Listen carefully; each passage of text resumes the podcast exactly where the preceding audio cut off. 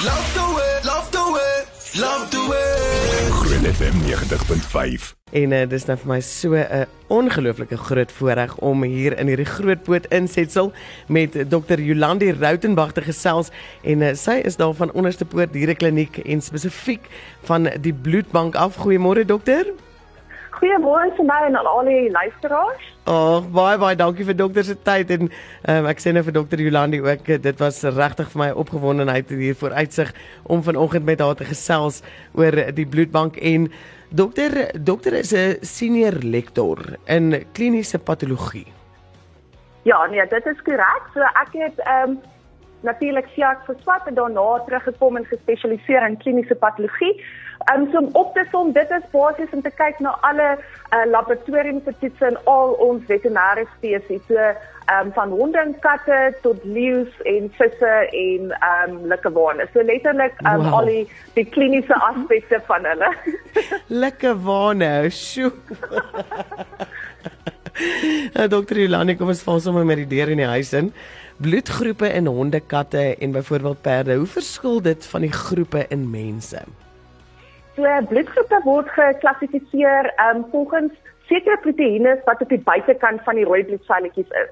So elke liewe spesies het sy eie tipe proteïene. So byvoorbeeld ehm um, honde het 8 verskillende groepe en ons klassifiseer hulle van 1 tot 8 en ons noem hulle die hond um, antigeen um, so dalk erythrocytic antigen en dan katte weet byvoorbeeld net 3 bloedgroepe en hulle is A in groep B en groep AB is 'n bietjie makliker. Mm. En dan as jy na perde toe gaan, het hulle oor die 30 bloedgroepe. So dit is baie kompleks um, en dit hang regtig af van die spesies. Ag, wel, en dit is so interessant dat mense eintlik opnuut weer bewus raak van o ja, diere is ook warmbloedig. Hulle het ook bloed nodig wanneer hulle byvoorbeeld ehm, 'n um, besering het of uh, vir 'n operasie moet gaan.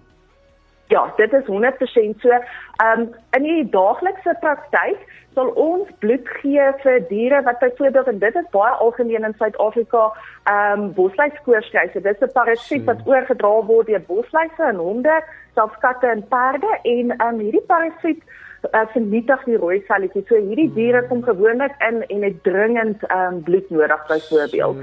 So, so, so dokter Jolandi nou, byvoorbeeld uh, na aanleiding van die bloedgroepe en die verskille tussen die diere spesies, kan 'n kat se bloed byvoorbeeld in honde gebruik word? So dit is eintlik 'n baie um kontroversiële um onderwerp. So, dit word aanbeveel dat slegs spesies tot spesies oortappings gedoen word. Hmm. Maar daar is noodgevalle byvoorbeeld um katte as hulle dringend bloed nodig het en jy het nie 'n kat 'n kat skenker naby nie. Is daar gevalle studies waar honde bloed byvoorbeeld al vir katte gegee is en 'n uh, eerste transfusie is wel bevind om veilig te wees, maar daarna kan dit uh, fataal wees. So Daar is ehm um, studies daarvoor en gevalle studies, maar dit word nie ehm um, oor die algemeen aanbeveel nie. Sjoe, so hierdie twee kan eintlik nie bekostig om soos katte en honde te beklei nie. Glad nie, glad nie. nou dok, watter vereistes is daar waaraan 'n hond moet voldoen om 'n skenker te kan word? So wat ons nou kyk um, vir 'n skenker is dat natuurlik moet dit 'n groot hond wees, so meer as 25 kg om seker te maak dat daardie um, skenker 'n eenheid kan gee sonder dat dit skade gaan doen aan die, aan aan homself ook. Ehm um, hulle moet ouer as 'n jaar wees, maar jonger as 8 jaar, want dit is die tydperk wat jou groot ras honde gewoonlik gesond is en ehm um, nie ander kwale het nie. En dan ook natuurlik baie belangrik dat hulle gesond is. Inentings op datum, ontwurmings hmm. op datum, um, en dan een van die belangrikste, dis meer vir ons as die tierartse en die en die veterinêre verpleegsters belangrik die die die hond met 'n goeie temperament hê. Jy weet dit oh, moet 'n wow. hond wees en 'n eienaar wat rustig is, mm. ehm mm. um, en en deur die prosedure kan gaan sonder dat dit onnodige stres en angs in die pasiënt of skenker en ehm um, eienaar veroorsaak. Ag, wow. Nou as dokter nou verwys na die eenhede bloed, is dit dieselfde as mense seker maar bietjie minder as ons punte met 'n kolletjie ou. Ja, so in 'n hond kan ons so as hulle nou meer as 25 kg is, kan hulle 'n uh, eenheid wat 450 ml is per slag skenk. Byvoorbeeld, en 'n katjie kan so ongeveer 10 ml per kilogram. So as ons 'n skenker vat van so 5 um, kilogram in katte want as jy wil 'n groot kat hê, mm. dan kan hulle so 50 ml byvoorbeeld um, skenk. Maar as jy kyk na 'n perd, hulle het op 'n slag omtrent 4 tot 5 liter bloed nodig. Sjoe. Sjoe. Daai is daai is baie intens. Nou, ja. Dokter, nou die verskillende bloedprodukte. Watter bloedprodukte is daar wat in diere gebruik word? Ja, so wat ons um, by ons bloedbank doen is jy kollekteer natuurlik die heel bloed van jou skenker af en dan afhangende van die behoefte in ons bloedbank kan ons daai eenheid prosesseer verder. So dit beteken ons kan die sakkie afspin in 'n groot sentrifuge mm. en dan dit opdeel in plasma byvoorbeeld of mm. net die rooi bloedselle en die plasma byvoorbeeld gebruik ons in diere wat um, vergiftig is met rotgif. Ehm um, want in daai plasma is die uh, faktore en proteïene om te help dat die bloed weer stol. Okay, so um, die bloedplaatjies wat ons het. Presies, mm. presies. Ehm um, en dan andersins het jy dalk weer net die rooi bloedselletjies nodig sodat regtig dit hang af van die kondisie en dan het jy nou hierdie verskillende produkte soos ek sê 'n plasma, facial bloed of gestoorde heel bloed ehm um, en so aan. Sjoe, dis baie interessant. Sommige so vraag van die kant af dokter, kry mens bloeiers in diere? Ja, nee, verseker, so jy kry diere wat ehm um, gebore word daarmee. Ehm um, en dit is dit is soos ons ehm um, uh, in mense ook kry, so hemophilia A en B, mm. so definitief daar daar is um, hierdie uh siektes waarmee diere ehm um, gebore word, so oor erflike ehm um, bloed ehm um, siektes wat hulle kry. Ag, oh, wow. Dr. Jolandi asseblief hou die lyn vir ons. Daar's nog so 'n paar vragies waarby ek wil uitkom wat 'n uh, uh, antwoorde benodig en wat ek nie kan gee nie. 1 2 3 drop it on me. FM 90.5 Dit is uh, so lieflik om uh, nou in hierdie groot boot insetsel met Dr. Jolandi Rautenbach te gesels en spesifiek oor bloedgroepe, bloedskenking in diere en o ja, hulle is ook warmbloedig en uh, sy het ook vroeër genoem oor hulle kwaan en uh, hulle wat ook bloed nodig het. Dr. Jolandi, so lekker om met dokter te gesels. Dankie vir dokter se tyd en uh, ook insig en wysheid definitief vra wat ek nie sou kan beantwoord nie. Dokter, ons het 'n vraag gekry van Clarissa. Sy vra het alle honde dieselfde bloedgroep? Ja, so hierdie is 'n baie interessante vraag. Ehm um, so om dit kortliks te antwoord, so omtrent 60% van ons ehm um, hondepopulasie het hierdie die bloedgroep 1.1 en 1.2. So omdat daar so groot proporsie van honde is met hierdie bloedgroep, kies ons skenkers wat negatief is vir hierdie groep. Okay. So ons noem hulle universele skenkers en dit is gewoonlik jou Duitse herdershonde en jou boksers en jou windhonde. Oh, so wow. um, ja, so nee, dit is awesome. Ek kan daar praat oor al die rasse en al die groepe, maar ek dink dit sal almal bietjie verveel. Ja, en dit is nou soos ons bloedgroep O tipies. Presies, presies. Ag wel. Billy Brits het ook gevra, hierdie is nogal ook vir my baie interessant. Is daar diere wat vir alle diere kan bloed skenk?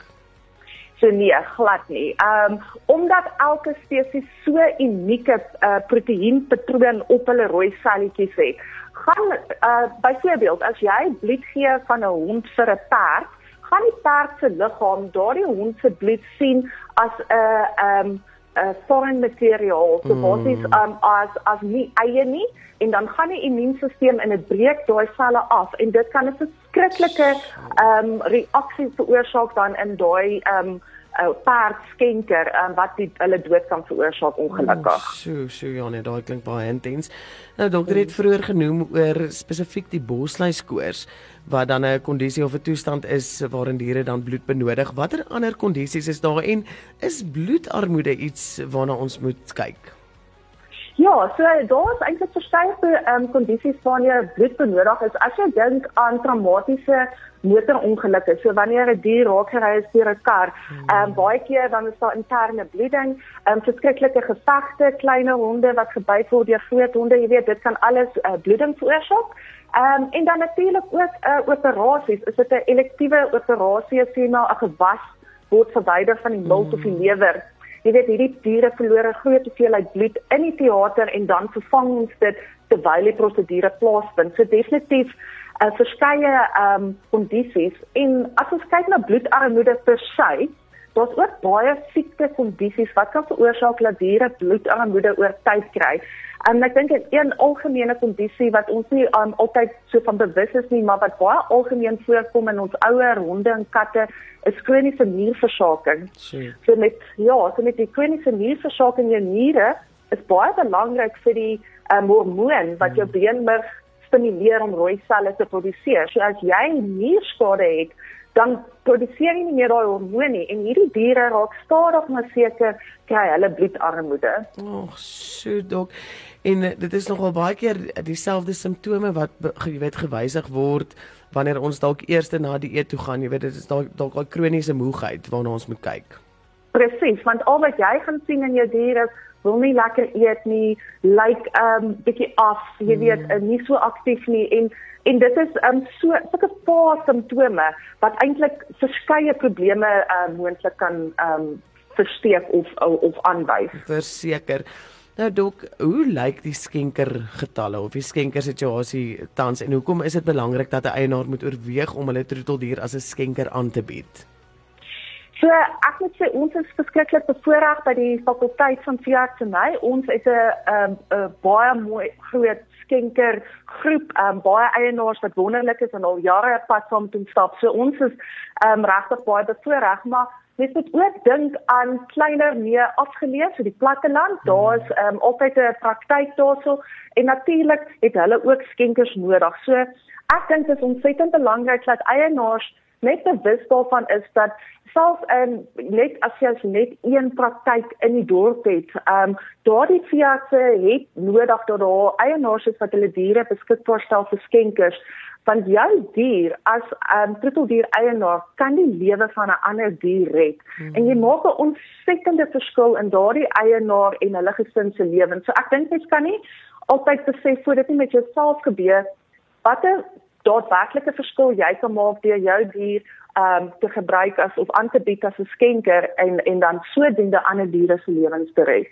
Ag, verseker. Ag, ek raak sommer bewoe as ek dink aan hoe kwesbaar ons diere regtig is en dat hulle ons nodig het. Jy weet vir ja. vir hierdie tipe besluite. Sjoe, dit is uh, oorweldigend eintlik. Nou, dok, watter toetse moet ons doen op die diere voordat hulle kan bloed skenk of ontvang? So wat ons altyd doen vir nuwe skenkers, ons maak seker dat hulle is gesond, so ons doen 'n volbloedtelling, ons kyk na al hulle orgaanfunksies en dan natuurlik soos ek vroeër genoem het, ons doen ook die bloedtipering want ons wil verkieslik ehm um, diere gebruik wat universele skenkers is. Mm. So dit is die basis en dan ehm um, wat moet mens altyd seker maak wat nogal interessant is, honde het nie natuurlike uh, teenliggaampies teen ander bloedgroepe in hulle bloed nie. So eerste skenking van hond tot hond is veilig.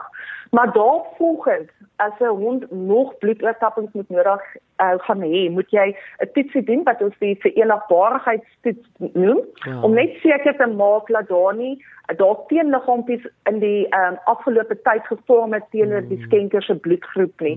So so dit is die basiese toetse, maar ons uh, maak altyd seker dat ons um, skenkers gesond is. So een keer 'n jaar doen ons ehm um, hierdie gesondheids ehm um, toetse om net te kyk volbloedtellings en alle ehm um, orgaan uh, funksies. Ag, dit is amazing en dit is natuurlik ook baie belangrik dan om die teenliggaampies ook te toets om te kyk of uh jy weet ons ons dierekinders nie een of ander onderliggende siekte onderlede gehad het ook nie.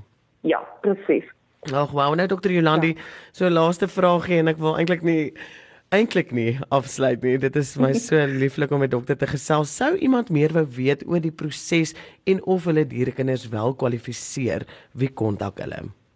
So, ehm um, eerstens natuurlik kan jy na jou ehm um, fiat toe gaan. So hulle sal jou kan help. Ehm um, ons het ook 'n uh, webtuiste op die universiteit se webblad so by die fakulteit fiat se nei en daar's kontakbesonderhede van 'n uh, suster Marisel de Kerk. Sy is wonderlik. Sy help my daagliks met die bloedbank. Ehm um, en sy sal definitief enige vrae ehm um, antwoord wat uh, aan haar gestuur word. Ag, oh, baie baie dankie. Dankie dokter Jolande en ook vir vir amper hierdie behind the scenes hierdie unsung hero werk wat julle doen en dat julle so 'n onvervangbare rol in ons dierekinders se lewens speel en dan daagliks ook ons dierekinders se lewens red. Baie baie dankie. Nou, oh, baie dankie en ons gesels verseker weer. Hierdie is nie die laaste keer wat jy dokter Jolandi Rautenbach se stem op hierdie klankgolwe hoor nie. Baie dankie dokter met 'n lieflike dag en sterkte daar by die bloedbank. like we going crazy. Real FM 90.5.